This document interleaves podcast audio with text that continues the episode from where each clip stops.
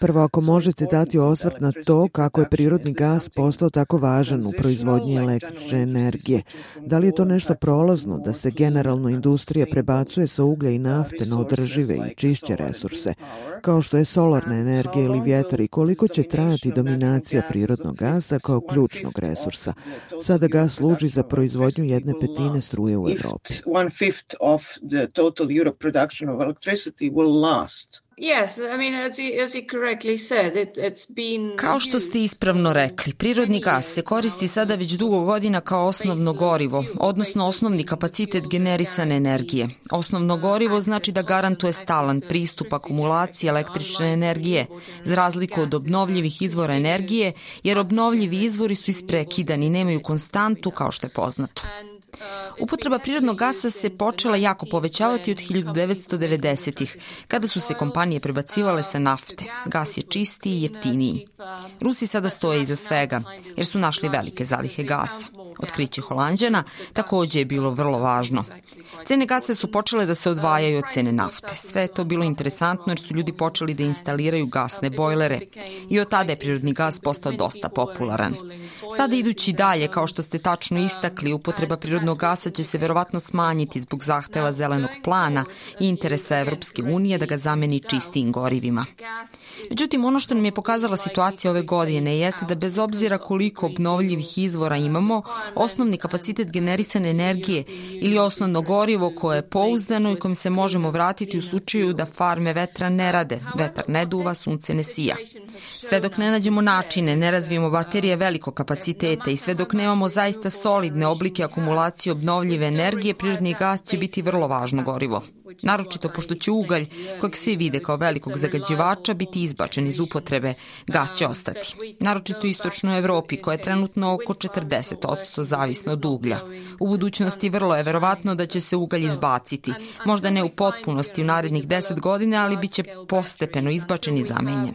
And going forward, it's very likely that this coal will be phased out, maybe not completely within the next 10 years, but gradually phased out and replaced with uh, natural gas.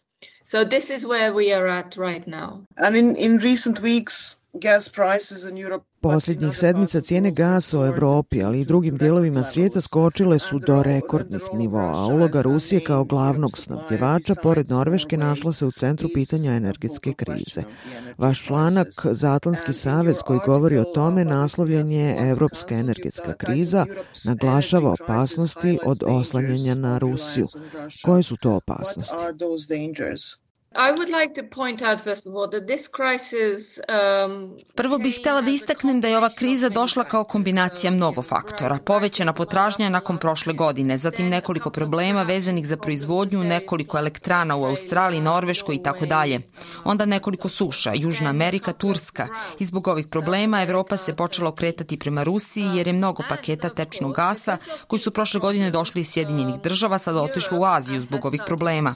Evropa se okrenula Rusiji kao neposrednom i najvećem dobavljaču. Očekivala je da će Rusija da poveća pošiljke gasa. Međutim, ako pogledamo šta je Rusija poslala, komparativno radi se o manjim količinama. Naime, ako se pogleda koliko gasa je slala Rusija, te su pošiljke možda veće preko Severnog toka 1, kako pokazuju naši podaci. Ali preko Ukrajine, kada uporedimo sa podacima od prošle godine, sigurno je da su poslali mnogo manje. Hoću reći, Putin je rekao da su poslali 8 procenata više nego što je trebalo prema ugovoru, ali je ugovor za ovu godinu bio na 40 milijardi kubnih metara, a prošle godine je bio za 65 milijardi kubnih metara. Tako da već imamo tih 15 milijardi kubnih metara manje u ugovoru o tranzitu sa Rusijom. To je pod jedan. Videli smo pad u tranzitu gasa preko Ukrajine. Broj 2. Iako je Ukrajina ponudila više kapaciteta, Rusija je nešto rezervisala, ali ne u potpunosti. Rezervisali su dodatnih 50 miliona kubnih metara, ali su Ukrajinci ponudili 64 miliona kubnih metara povrh tih 50 miliona kubnih metara. Tako da bio je ugovor, ono što se Rusija obavezala dugoročnim ugovorom iz 2010. Onda su povrh toga rezervisali 50 miliona kubnih metara, a Ukrajinci kada su vidjeli da postoji velika potražnja, a gas ne dolazi iz drugih izvora, rekli su u redu, imate dodatnih 64 miliona kubnih metara koje možete da iskoristite kroz naš sistem kako bi poslali gas u Evropu. Ali Rusija nije rezervisala tih dodatnih 64 miliona kubnih metara. Također, Rusija nije napunila svoje zalihe gasa u Europi. To je bilo jedno od velikih pitanja koje su postavili mnogi analitičari.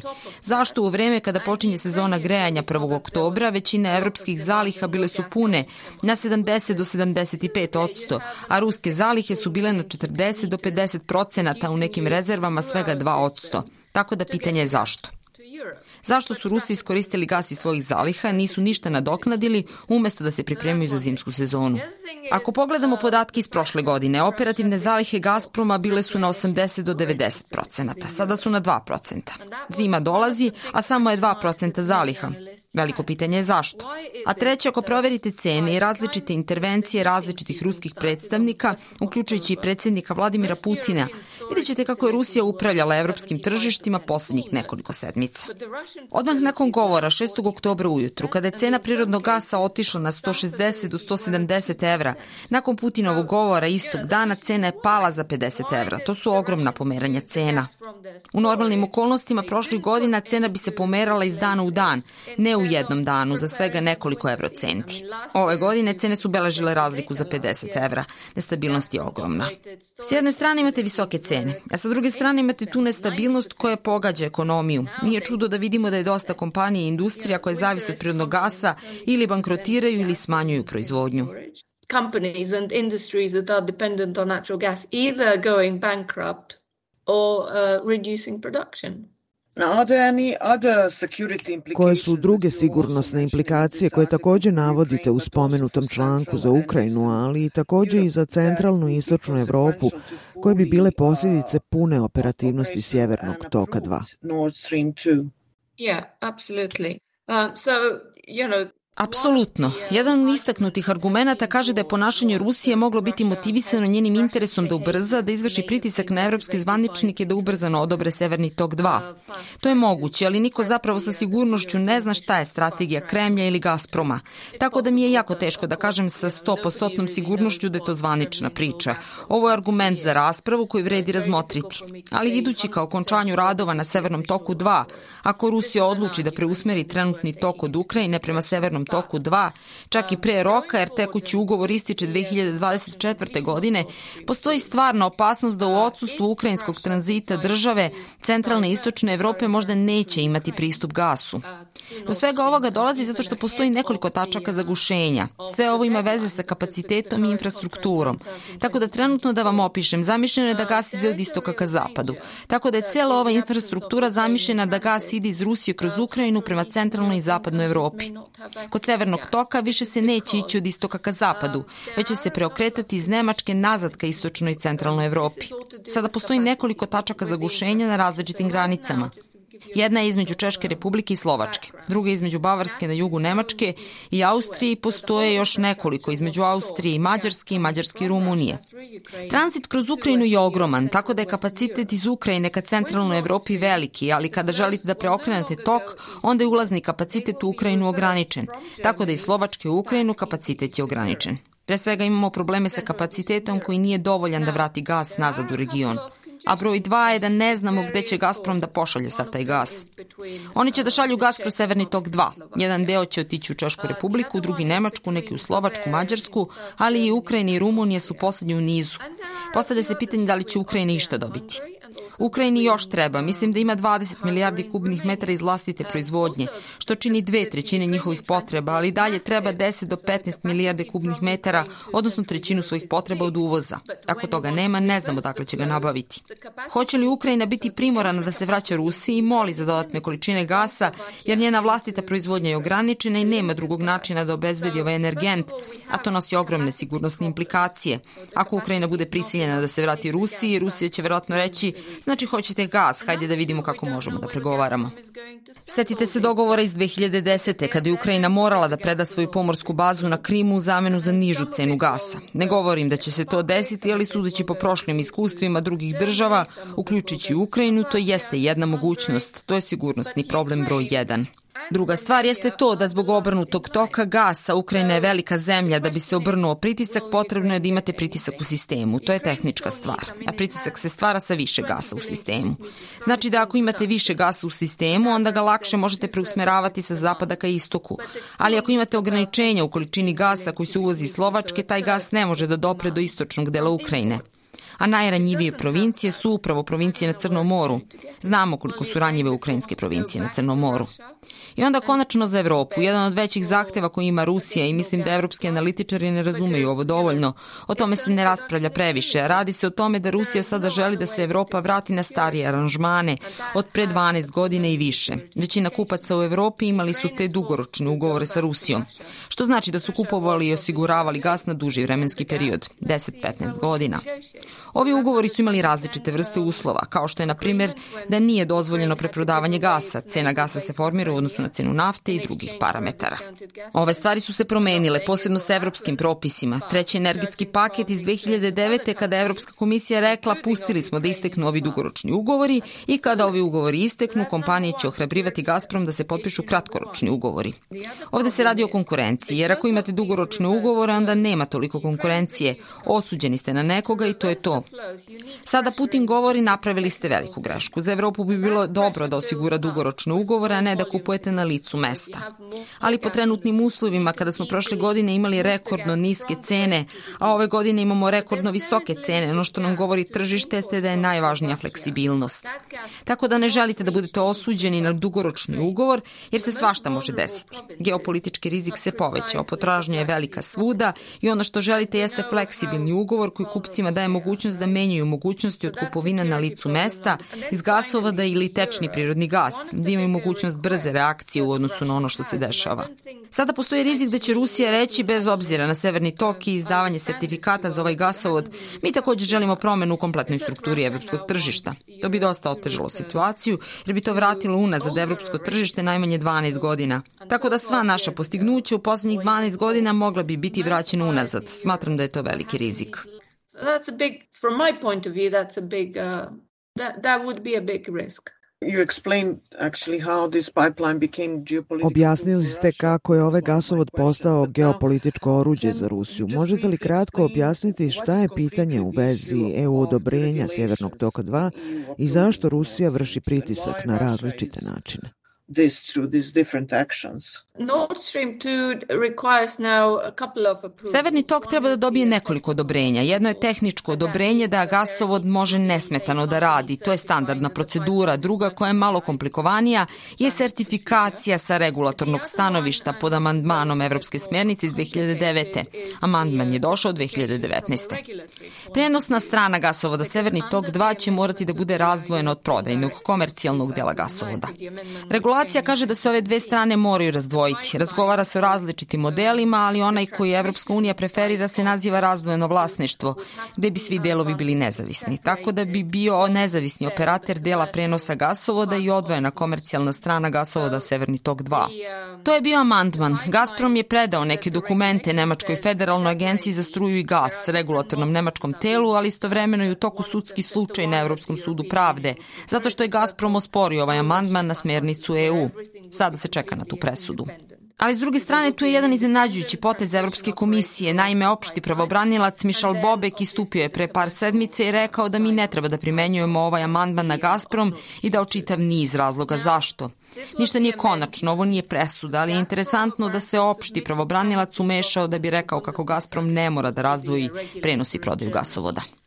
Razdvajanje bi bilo važno, jer šta nam je ova kriza pokazala je to koliko je važno da u potpunosti shvatamo ono što se dešava.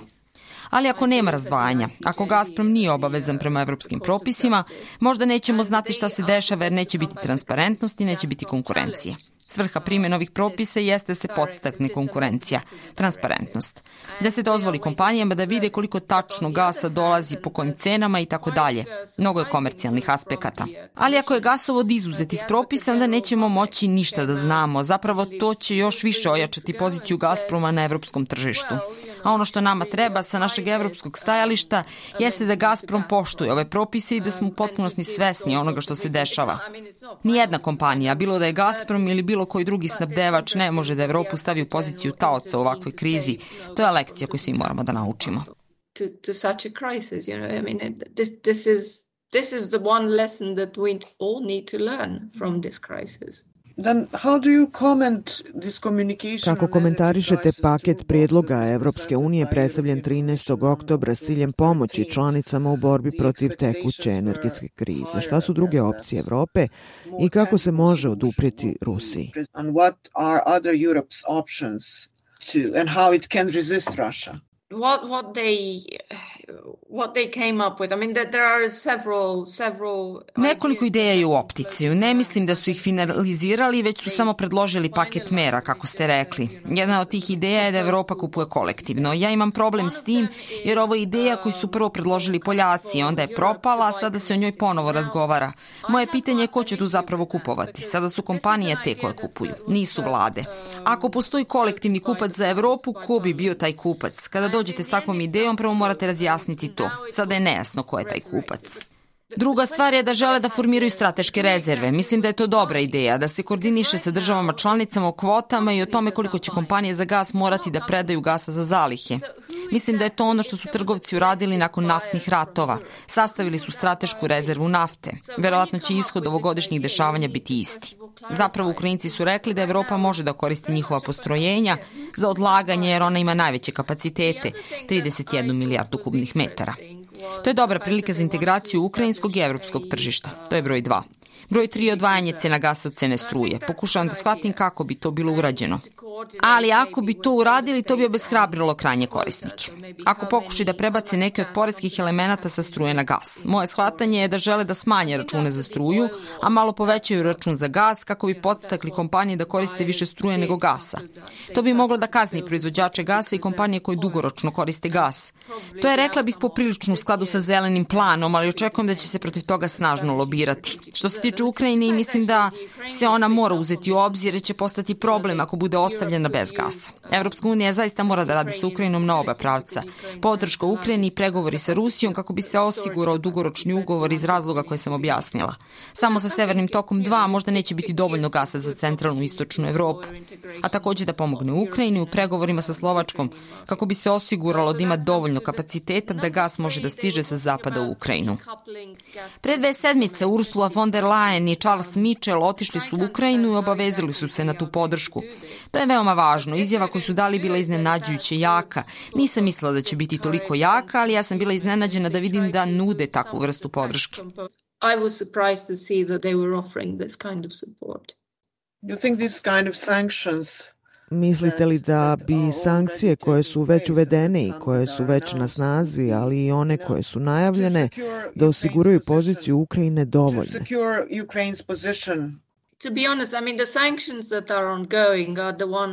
Tekuće sankcije su diskutovane u Kongresu Sjedinjenih država. To je dug proces. Mislim da moraju o tome raspravljati pred kraj godine. Nisam sigurna, ali mislim da sve dolazi u paketu. Na kraju ih predsednik Biden mora odobriti. Iskreno ne polažem nade u sankcije SAD-a. Ono čemu se nadam jeste da će SAD i Evropska unija podržati Ukrajinu u zadržavanju tekućeg ugovora, jer najveća opasnost je da jednom, kada se Severni tok 2 pusti u rad, Rusi će reći to je to. Preusmeravamo sav gas na Severni tok 2. Tako su radili sa Mađarskom 1. oktobra, preokrenuli su tranzit preko Ukrajine na Mađarsku preko Turskog toka. Tako da SAD i Nemačka treba da podržavaju Ukrajinu u tom smislu, jer sigurnost Ukrajine je sigurnost istočne Evrope. Ukraine security is Eastern Europe security.